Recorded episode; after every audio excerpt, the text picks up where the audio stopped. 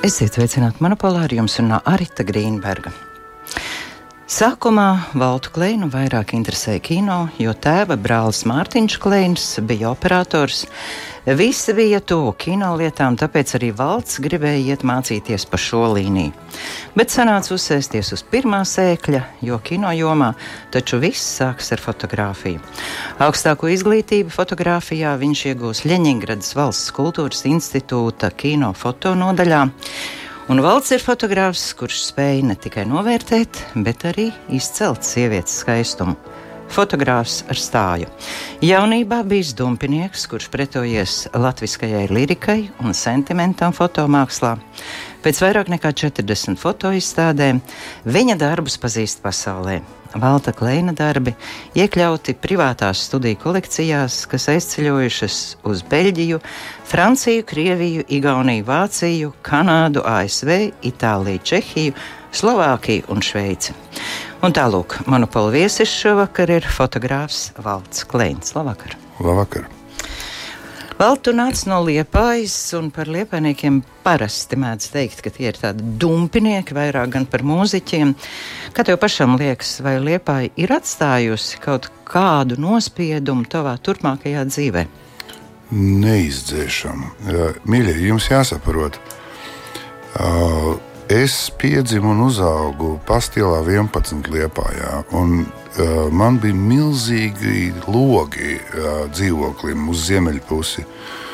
Un es bērns būdams nekad nesapratu, kāpēc tie logi ir tik milzīgi. Un tikai daudz gadus vēlāk Liepais fotovēsturnieks Jānis Ladīts man jautāja, Valt, vai tu uzaugi pastilā 11? Es teicu, jā, un so what? Viņš teica, tā ir Bokuma fotodarbnīca. Paša slavenākā liepais fotografa fotodarbnīca.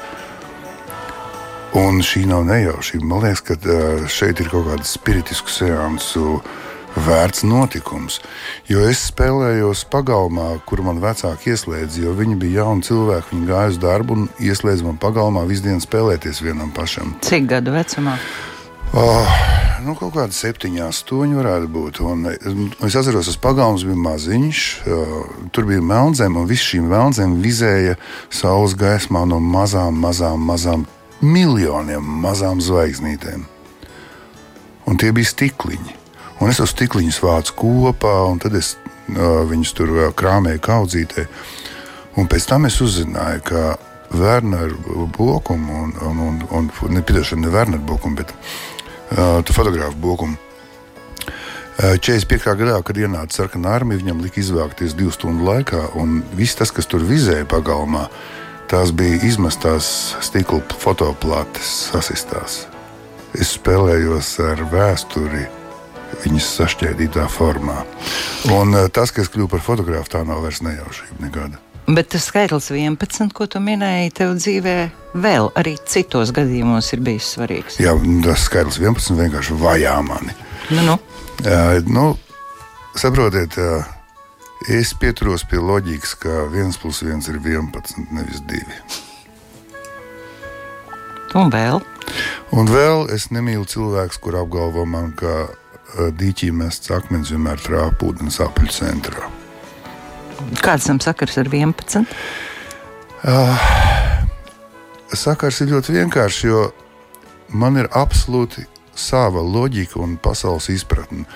Un tad, kad uh, es sastopos ar cilvēkiem, kuriem ir viņa loģika un pasaules izpratne, un viņi mēģina man uztiept viņu, tad uh, vienmēr rodas konflikts un rodas nepatikšana.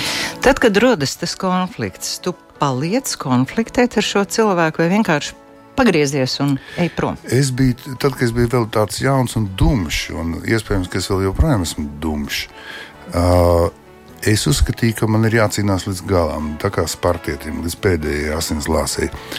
Bet jau kaut kādus septiņus, astoņus gadus es sev vienmēr mierinu ar domu, ka par mani valda tas, kurš mani sanikno, un es neļaujos sev saniknoties, jo es nepieļauju domu, ka kāds varētu valdīt par mani. Nu, tā saniknošanās tā varētu zināmā mērā būt vājuma pazīme. Gan jā, gan nē tas ir vienlīdz spēks un vienlīdz vājums. Saprotiet, šī pasaule jau vispār ir ambivalenta. Mēs jau dzīvojam ambivalentā pasaulē. Te ir viss iespējams. Uh, man liekas, ka Viskaistāk to ir izpauduši sintoisti, Japāņi, ja, kuriem ir tas iņķaņa simbols. Es redzēju, tur tas aplis ar to melno punktu un balto punktu. Es domāju, tā kvantu kvintessence ir tieši šajā iņķaņa būtībā, bet tas ir pats primitīvākais līmenis. Ja tu ej bišķiņu tālāk, mazliet tālāk, tur atverās vienkārši zemapziņas un virsapziņas dzīves. Es nerunāju par apziņu. Apziņa ir ārkārtīgi primitīva lieta. Mēs visi runājam, ka mums ir apziņa. Mēs, mēs, mēs, mēs gribam, lai notiek apziņas paplašināšana. Bet nevienam pat jēgas nav, pat ne mazākās poņas nav par to, ko nozīmē paplašināt apziņu. Tev ir? Man ir. Tev vienīgajam? Nē, nē, nē, nē, nē, nē, nē, nē. Nu, nu, lasiet Kafku, klausieties uh, Filipu Glāsu. Un, uh, Ak, Dievs, pasaule ir pilna ar bodhisattvām, ar ģēnijiem, kas vēsta. Nu, jautājums jau tikai par to, vai vispār viņus kāds dzird. Kā tev pašam liekas, tavā mākslā kādreiz tas ir izdevies? Es domāju, ka man tas nepārtraukti izdodas. Jo nu, nav jau jēgas vispār kustēties, atvērt acis, ja tu nesi pārņemts ar kaut kādu ideju. Man pēc būtības ir tā, ka nu, ir viena lieta, ka es teiksim, pelnu naudu strādājot komerciālā fotografijā, bet tad, kad es pats ņemu savu kameru rokās, lielākoties iPhone pēdējos jau desmit gadus. Es vienmēr uh, meklēju objektus apkārtējā vidē, kuri eksistē jau man, manā apziņā. Uh, man Atrodi. Ir, jā, un, atrod, reizēm atrod. Un šie tēli un šīs gatavās fotogrāfijas jau man ir iekšā. Jau. Manā prātā. Man viņas vienkārši ir jāizfotografē ārā. Tu to iPhone pieminēji, bet tu esi arī no tiem fotogrāfiem, kas ļoti ilgi pretojās un turējās pie manuālā fotoaparāta. Nu, protams. Kas tas bija par iemeslu, ka tu tomēr padavies? Nu, Nu, kā jau saka, nu, dzīve piespiež darīt to, ko tu negribi. Nu, pieņemsim, tu no rīta negribi celties un iet uz darbu, bet nu, tev kaut kā dzīve piespiež, vai arī piespiež tavu priekšniecību. Vai, nu, tavu, tev taču vai, nav priekšnieka. Man nav priekšnieka, nē, nu, man ir priekšnieks. Nu, tas sauksim viņu par providenci vai dievu vienalga, bet viņš ir mans priekšnieks. Uh, mums ir ļoti daudz lietas, ko mēs negribam darīt, un tomēr mēs darām. Un pašriebīgākās lietas, ko mēs darām, ir mūsu pašu iniciētas. Balsts Klēņš šovakar pie mums ir ciemos, un mēs klausīsimies viņa mūzikas izvēli.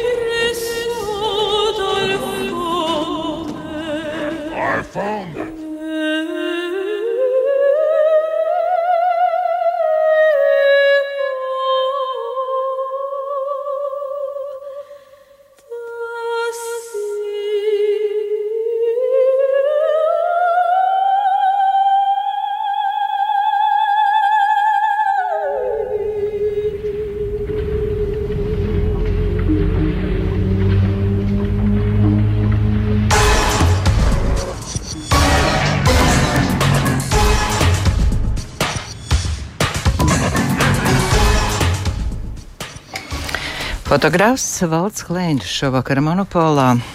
Te gribētos ļoti kādu komentāru par šo mūziku. Kāpēc nu, tāda izvēle? Pasakaini, jūs taču saprotat, eh, visi, kas ir puslīdz nu, tādā saprātīgā vecumā, visi redzējuši filmu Piektais elements. Es domāju, ka uh, ieskaitot Matrix un vēl dažus kino gabalus, nu, šie ir vienkārši leģendāri un uh, kopējo cilvēcisko apziņu atveroši gabali. Nu, es lietoju formalitāti gabali, protams, tas nav labi no manas viedokļa, bet uh, filma taču ir pasakaina. Viņi daudz ko izstāsta. Viņi ir ārkārtīgi attraktīvi, bet viņi ir ārkārtīgi dziļi filozofiski. Un tas Lučijas de Lamarbūrs um, dziedājums un uh, tas traģiskais liktenis tai pārcilvēciskai būtnei Tas ir pasakāns. Es domāju, ka tas ir viens no skaistākajiem elementiem visā šajā filmā. Tajā dienā, kad es tev piezvanīju un aicināju uz interviju, vakarā tu man atsūtīji tādu īsiņu, ka mūžībā ir aizgājis tavs fotografijas krustāvs Roberts Kaniņš. Jā. Kādas domas, kādas atziņas tev paliks no savu krustāvu? Es domāju, vislabākās Roberts. Uh, Roberts man iepazīstināja ar tādām lietām kā stereo austiņas, kuras nekad mūžā nebija iepriekš redzējis. Viņš iepazīstināja man ar to, kas ir vinila plāte. Viņš iepazīstināja man ar to, kas ir nātrija sulfīts un nātrija tiosulfāts, uh, kas ir fotografam ļoti būtiski, jo es viņus jaucu. Un, un uh, daudz kļūdas izdarīju. Viņš man iepazīstināja ar mietpilsonisko gaumi fotografijā, un tad viņš man iepazīstināja arī ar alternatīvām Un, uh, viņš man kaut kā tā ļoti uh, tēvišķi vadīja caur to fotografiju, jo viņam pašam bērni nebija, un viņš nebija nekad precējies. Toties viņš uh, bija ļoti sieviešu aplidots, kā vientuļš vīrietis, kurš izprata sieviešu dvēseli un būtību.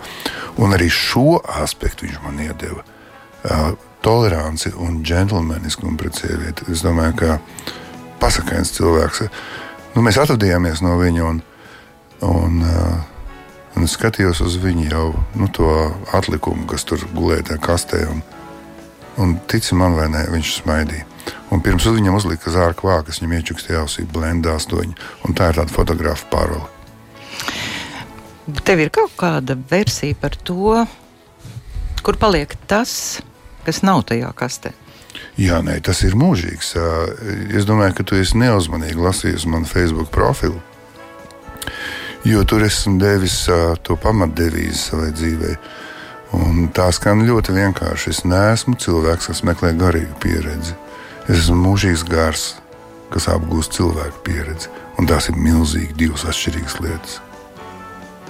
Es sev uzskatu par mūžīgu garu, kas pirmo reizi piedzīvo būt cilvēks. Un es domāju, ka mēs visi šeit esam tādi amatieri. Es neesmu sastaps nevienu, ieskaitot tevi, ieskatot visus manus draugus. Kurš būtu profesionāls, būtu cilvēks. Visi mēs esam šeit amatieri. Visi mēs šeit esam iesācēji. Visi šeit mēs esam pirmo reizi. Un tad, kad kāds mēģina man mācīt, kā dzīvot, kā pareizi uzvesties, man vienmēr ir kluss jautājums, uz kā pamata, uz kādu zināšanu pamata tu tagad man pamāci dzīvot. tu esi tāds pats amatieris kā es. Tagad mūsu sarunā iesaistīsies kā cilvēks. Paklausīsimies. Labi. Labdien, Valti! Tu šodien labi izskaties. Un ņemot vērā, ka mēs esam pazīstami gados 40, tad tu šodien izcili labi izskaties. Es saprotu, ka mana šodienas misija ir izstāstīt dažus noslēpumus. Noslēpums numur viens. Tad, kad es redzēju, cik daudz kurpju, izcilu kurpju ir valta noliktavā, es atklāju, kāpēc valsts tik ļoti patīk sievietēm. Jo viņas taču vispirms skatās uz kurpēm. Nu, tas bija tāds uh, mazais skaudības noslēpums. Noslēpums numur divi. Ja gribat daudz smieties, tad piesakieties pie valda uz fotosesiju. Nu, kā viens cilvēks var atcerēties tik daudz anekdotes un tik smieklīgi viņas izstāstīt? Un tagad noslēpums numur trīs - briesmīgākais noslēpums. Neļaujiet, lai valsts jums pieskarās. Viņš ir spējīgs acu mirklī nolasīt jūsu cilvēcisko matricu. Cilvēki, esiet modri, ja negribat, lai jūs atšifrē. Vai tu pazini šo runātāju? Nu, protams, tas ir Latvijas vecais. Rolands. Nu, Rolands labi. Viņš ir vecais laķis, tāpēc ka jaunais ir interesantāks par veco. Bet tevī klausoties, man liekas, ka tu visam, ko viņš teica, nepiekrīt. Jā, absolūti nemaz. Viņš ir pilnīgs muļķības tam kurpēm runā, tāpēc ka sievietes skatās vīriešiem uz rokām. Aha. Es tagad zināšu, uz kurien skatīties. Jā. Nu, labi, bet nākamais par anekdotēm tā bija tiesa. Uh, nu, tā ir augstākā tiesa, tāpēc ka es vispār nestāstu anekdotus, un man neinteresē anekdotas, tāpat kā man neinteresē fotografija. Uh, tas, kas jums šķiet smieklīgs, par ko es runāju, tās ir visas dzīves patiesības. Tā, tie ir paradoksi, kurus ir radījuši kādi cilvēki. Saprotiet, anekdots jau nav radījuši kaut kādi tur. Uh, šveiki vai uh, kaut kādi eņģeļi no debesīm. Anekdotas visas radās no pašas dzīves.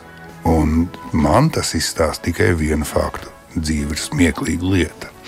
Trešais punkts, ko viņš minēja, bija tas, ka tu spēj nolasīt katra cilvēka, kuram tu pieskaries cilvēcisko matricu. Nu, ne katra cilvēka. Nu, labi, te viņš bija pārspīlē. Uh, jā, es varu nolasīt bināro kodu. Mans tēvs bija ļoti sensitīvs. Viņš mācīja atrast ūdeni, sāderes un tā tālāk. Un pēc zināmiem savas dzīves notikumiem es varu nolasīt bināro kodu katram cilvēkam. Ne katram, bet nu, tādam, kurš uzticās man un kurš pieskarās man. Negribu pastāstīt, kas te par notikumiem, kam ir jānotiek. Es domāju, šeit ir pa īsu laiks un par maz, daudz, par maz alkohola, lai mēs tagad par to runātu. Labi, tad ļausim, lai Rolands uzdod jautājumu. Un tagad nopietns jautājums. Kādus noslēpumus tu uzzināji Indijas ceļojumā? Indijas ceļojumā es uzzināju ļoti daudz noslēpumus, bet pašu būtiskāko es piedzīvoju tieši ceļojuma vidū, un man uzbruka Sanjāsija Man šeit nav laika un vietas paskaidrot, kas ir sanjās, ja jūs varat iegūt un uzzināt. Un tas sanjās noķēra mani naktas vidū aiz pogas, pievilka sev klāt, ieskatījās acīs un teica, tā, ah, you are, now, you are 50 now. Tev ir 50 gadi, un man bija 50 gadi, kad es braucu uz Indiju. Un tad viņš man teica tādus vārdus. Ja tev vēl jebkāda no šī brīža būs viedoklis par sevi, tu jau esi miris. Un man sāk purināt, un es nevarēju visu nakti gulēt. Es uh, nevarēju atšifrēt šo vēstījumu. Un tad es biju uz to kalīju teātru, nu, kur nokrāsotās zaļās sejas tie, tie indieši. Un tur man pēkšņi, pēkšņi aizdegos kā benzīns. Es sapratu, ka lomu spēļu laiks ir beidzies. Valda beidz spēlēt bagātu, beidz spēlēt nelaimīgu, beidz spēlēt uh, slavenu fotografu, beidz spēlēt visas iespējamās lomas. Tu jau viņas visas izspēlējies, tu viņas visas izmēģinājis, un tagad tev ir jābūt tev pašam. Un no tā brīža esmu rupšs, bezkaunīgs un pretīgs cilvēks. Un mēs turpinām ar mūziku.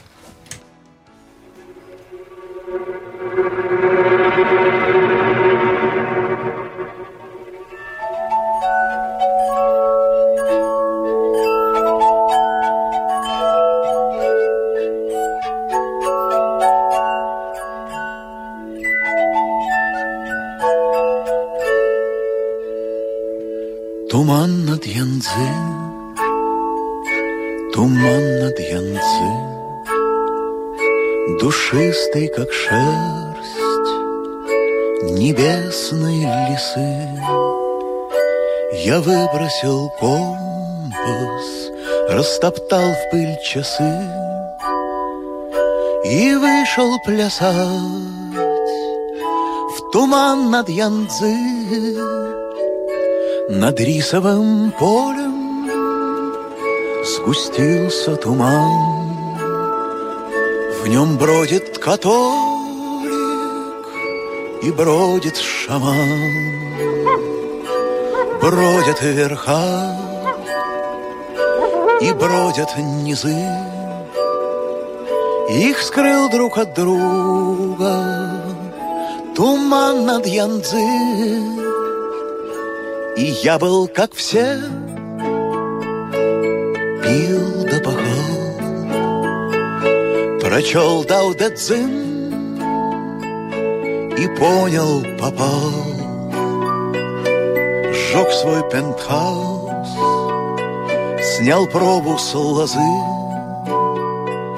И вышел плясать в туман над Янцзы. Ответь Нижневартовск и Харьков ответь. Давно ли по-китайски вы начали петь? И чья в дом вина,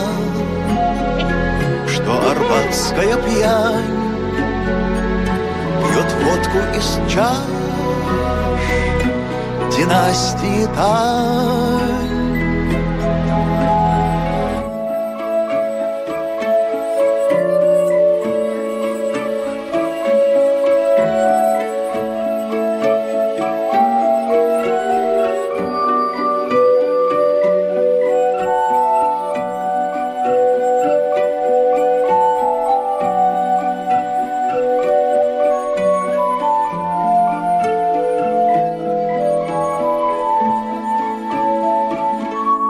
все теперь братья, мы все здесь семья.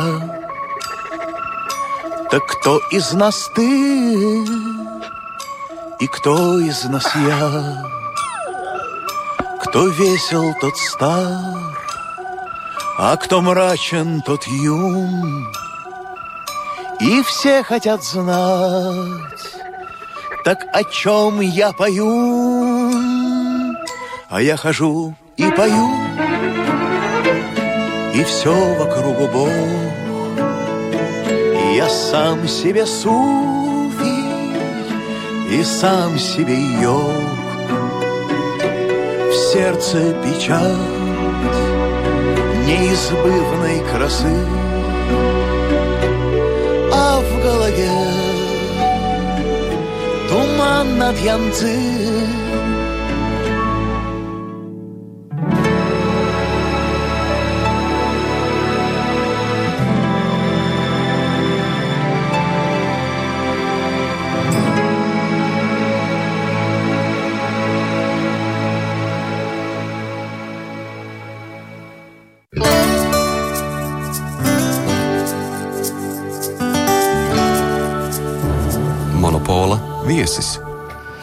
Monopola viesis šovakar ir fotogrāfs Valds Kleins.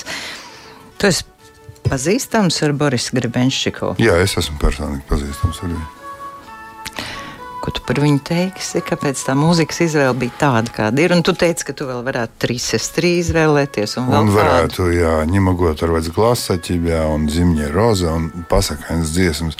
Nu, mācījos Pēterburgā, un tas bija tas laiks, kad viņa bija tie kvarķirņiki, un mēs tur sēdējām reizēm dzērām šņābi, pīpējām prasa cigaretes. Un, Un es atceros, ka viņš komponēja šo dziesmu. Viņam negāja, negāja, negāja. Pilnīgi tajā brīdī bija nu, klāt.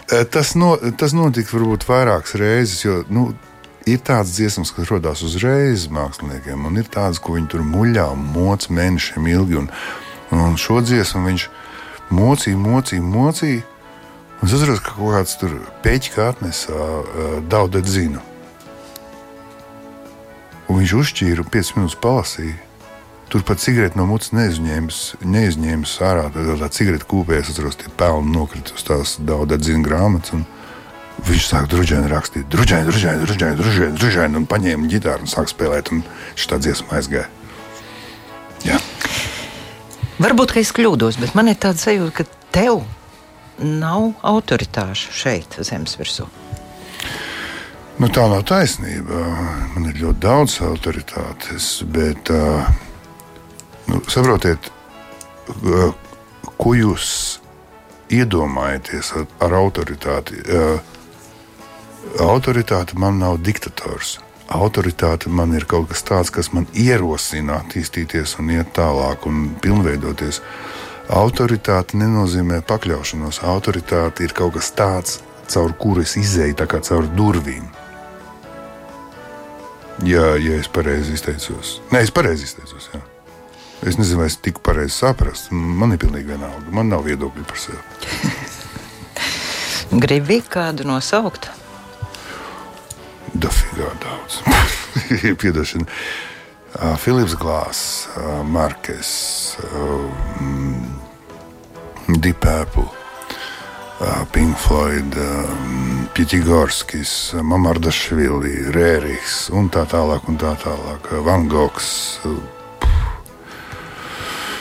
Helmuts Ņūtons un so on un so on un so on. Visi viņi ir eņģeļi, visi viņi ir atgriezušies šeit, šajā pasaulē, lai mums palīdzētu. Es pieturos pie domas, ka slaveni un ģeniāli cilvēki, izņemot Salvadoru Dalī, kurus neuzskatu par ģeniālu cilvēku, es viņu uzskatu par absolūti mārketinga tipu cilvēki, tāpat kā Picasso. Uh, ģeniālie cilvēki atgriežas šajā pasaulē kā bodhisattvas. Un bodhisattvu jēga ir tāda, ka viņi beidz savu karmatisko dzīvi šajā pasaulē un ir brīvi kā enerģijas. Un viņi pieņem vienpersonisku lēmumu atgriezties šeit un piedzimt vēlreiz, lai palīdzētu mums dzīvot tālāk. Visi šie cilvēki kas palīdz mums dzīvot tālāk. Viņi visi ir ģeniāli, interesanti, neparasti un ārkārtīgi kontroversiāli. Mums ir vēl kāds runātājs. Protams. Daudz laimes tev valtu, un labu veselību, un visas citas jaukās lietas, kas dzīvē ir nepieciešams jebkuram. Un prieks par to, ka tevi var ieraudzīt katru dienu, ielūkojoties sejgrāmatā, kura nu jau ir tik populāra, ka bez tās dzīve šķiet jau nav iedomājama vairs, jo tā ir tā vieta, kur mēs varam satikties nerealitātē. Citādāk gadi pagājuši ilgi, ilgi no tiem senajiem brīžiem, kad tu biji skolnieks purciemā. Atceries visas tās meitenes, kas gaitiņos tev skrēja līdzi, kas gar stūriem skatījās un uz tevi rādīja ar pirkstiem. Jo saproti, tu biji burvīgs, tu biji foršs puika, goda vārds. Meitenes, ja jūs zinātu, kāds viņš bija jaunībā, burvīgs puisis, visjaukākais skolā. Es pēc savas skatiena redzu, ka tu nepazini. Nav ideja. Nu, es saprotu, ka kāda no klases biedriem, bet uh, nav ideja. Dace. Ah, Dāce. Okay, labi. Dace Jakoviča. Jā, jā, nu kaut kā ļoti patētiski viņa. Jā, nu, Es gribētu tu pats ar kādu sajūtu atceries skolas laiku. Gribēju ātrāk pabeigt, projām tikt. Nu, daži saka, saka Nē, nu, ka, ka bija... negrib to atcerēties. Nu, Bet skolas man bija divas skolu. dažādas. Skolas man bija divas dažādas. Man bija astoņgadīgā mežparka skola. Kuru man vardarbīgi vecāki pārveda no Liepājas un ielika 11 gadu vecumā. 11 gadu vecumā, protams, jā. Esmu pirmā emigrācijas paudze no Liepājas 11 gadu vecumā, un tad man vardarbīgi ielika mācīties Mežparka skolā. Kāpēc vardarbīgi? Nu, tāpēc, ka es negribēju pamest Liepāju. Ah. Nekādā veidā, un es domāju, ka. Bet tu jau varētu tagad braukt atpakaļ. Es braucu vismaz reizi mēnesī uz Liepāju. Nu, kaut vai pabūt stundu, man ar to pietiek.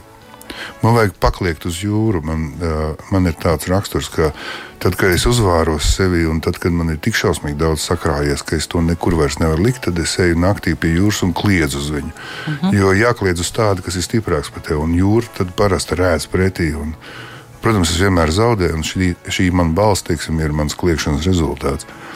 Uh, Es par to skolu gribu teikt tikai tā, ka uh, droši vien nozīmīgākais bija tā vidusskola, tā bija teātris klase. 64. 64. vidusskola teātris klase, un Vera Gribača bija skolotāja mums, un, un, un, un, un Arturs Bērziņš bija skolotājs.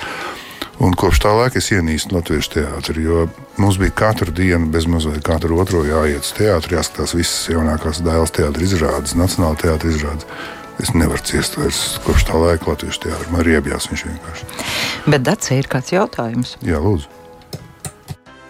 Sveiks, Valt! Te tev jautājumu gribētu uzdot meitene no 64. vidusskolas, 8. C klases. Atceries, Savulaik tu Latvijā biji tikpat populārs kā Brūss Vilis, Leonardo DiCaprio. Kā tad tā atgadījās, ka tu esi kļuvis par slavenu fotogrāfu, nevis par aktieri? Pastāsti, lūdzu! Es nesaprotu, kāpēc tāds narratīvs un tāda mākslinieciska izrunāšanās. Ot, šis ir tas, ko, ar ko latvieši grēko. Starp citu, 8. C klase nebija mana klase. Es biju 8. B klases skolnieks. Un, uh, bet varbūt ne, Daci? Nē, nu, nevis 8. bet 9. 9. 10. 11. Mm -hmm. uh, Es biju aktieris, es biju kolosāls aktieris. Es divus gadus uh, darbojos Rīgas pantomimā pie Roberta Ligera, un es biju viens no premjeriem kopā ar uh, Viesturu Bērziņu, jau mirušo, un, un, un Stanliju un, un Šēri, kas tagad ir. Liepājas teātris direktors un galvenais režisors. Nu, mēs tur visi darbojamies un plosējamies un konkurējam savā starpā. Un tas pasakainais laiks Rīgas pantomimā bija tas, ka un Roberts mūs vadīja vienkārši caur tiem mākslinieciskiem labirintiem ar to, ka nebija jālieto vārdi. Jo tas bija nu, smagais stagnācijas laiks. Un, ar mīmiku un ar pantomīmu varēja pateikt kaut ko tādu, ko nedrīkstēja teikt vārdiem.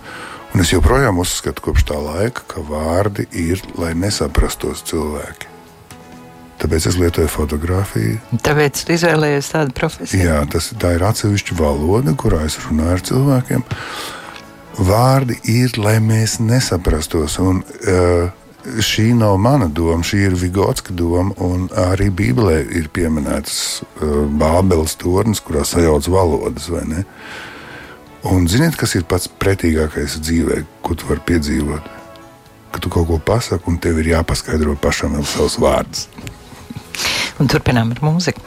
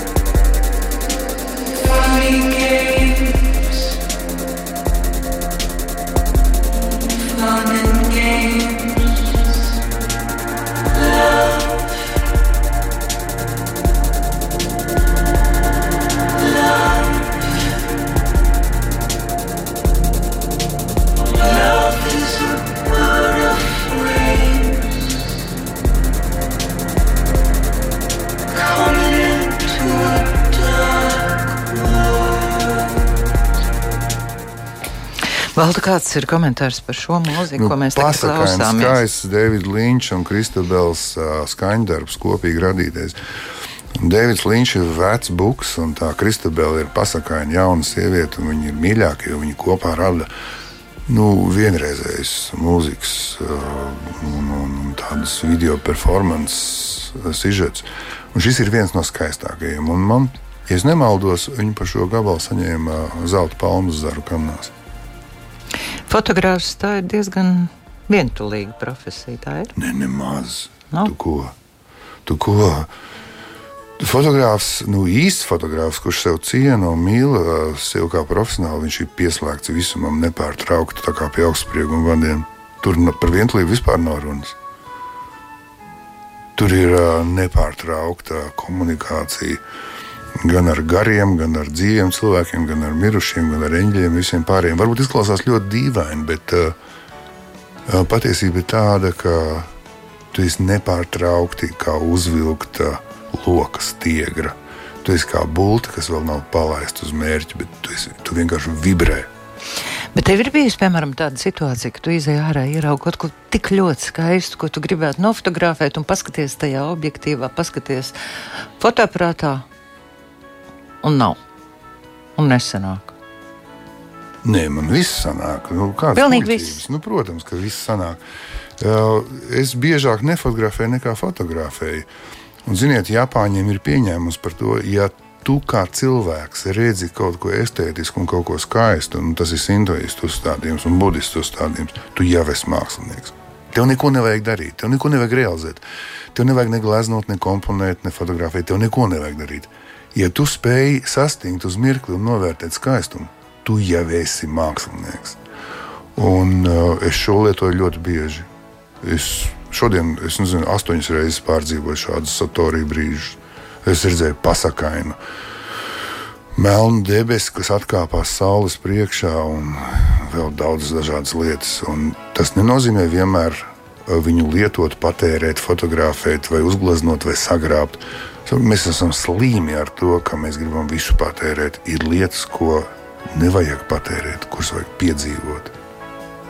Un tas bagātina jūsu dvēseli, un tas padara tikai plašāku jūsu apziņu un vispār eksistences jēgu. Tu esi gājis Santiago ceļu, vai tas bija tāpēc, lai piedzīvotu? Nu, es gāju Santiago ceļu, es biju pilnīgi izmisumā, es biju ārprātā, un man vajadzēja, man vajadzēja izdzīvot. Nu, patiesībā tas ir garāks stāsts, jo Es pieņēmu ļoti apzinātu lēmumu, ka es dzīvoju Lutheriskā pasaulē, es dzīvoju kristīgajā pasaulē, man ir jāsaprot pasauli, kas ir radījusi morāli etiskās normas un visu šo kārtību, kurā mēs dzīvojam. Un es izgāju Alfas kursus divreiz. Es, apzināti ļāvu sev kristīt, un ar to ieguvu jēkabu vārdu, tāpēc esmu valsts jēkabs klēns. Un kā pēdējo pilienu tajā rūkstošā kausā es ieliku ceļojumu ar kājām uz Santiago de Compostela 800 km. Nogāju visu, visu garumu. Kāpēc rūkstošā kausā? Nu, tāpēc, ka patiesībā jau tā kristīgā ideja ārkārtīgi skaista un tīra bet nu, viņa ir tā, nu, ziniet, tā kā veca riepa nobraukt. Viņai vairs protektoru nav. Viņa ir jau gluma. Tur var ko līdzēt? Kurš? Nezinu. Vanaks vai, vai, vai arhīvbīskaps vai mācītājs. Ne, ne, ne. Neko nevar līdzēt. Tur viss ir salaists ripā. Vienkārši tā riepa ir nodilusi. Nu. Nē, nu viss ir labi, vēl ripo, vēl gaisa ir iekšā, jā, bet uh, diezgan nodilusi. Un es domāju, ka uh,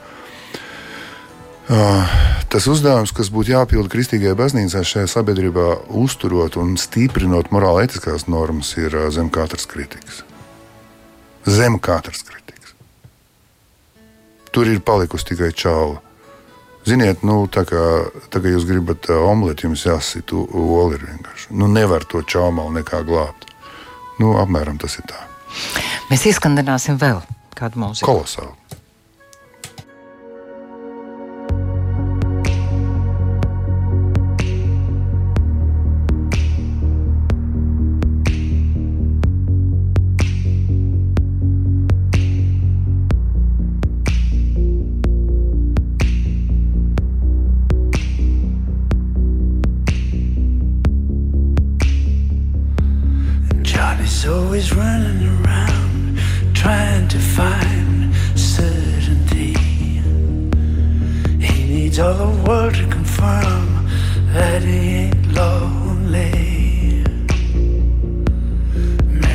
Counts the walls, knows he tires easily. Johnny thinks the world would be right if it could buy truth from him. Mary says he changes his mind more than a woman. But she made her bed, even when the chance was slim. Running around.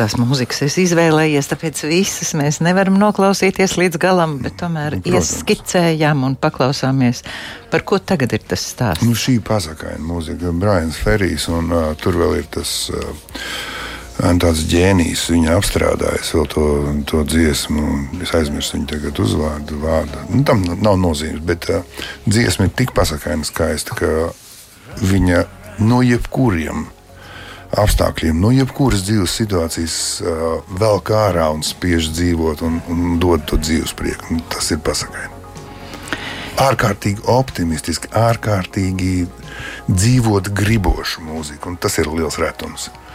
Tu vari tā aizbraukt, piemēram, uz laukiem, nogulties zālē, vērties mākoņos un nefotografēt. Bet, bet, protams, es to daru regulāri. Es vienmēr ņemu līdzi to, zini, to sietu, ko, ar ko skalo dārzeņus. Ja? Ir tāds sietas, vai ne? Un tas viņu uzliek uz sejas, noguļos. Un skatos zvaigznēs, parasti naktī. Un es mēģinu, lai katrā tajā kvadrātiņā, kas tajā sietā trāpītos pa zvaigznei. Un, ja tu tā ilgi gulēsi, tad agrāk vai vēlāk tu ieraudzīsi nevis zvaigznes, bet uh, tvaika mājas sanitārus, kas pēc tam būs atbraukuši.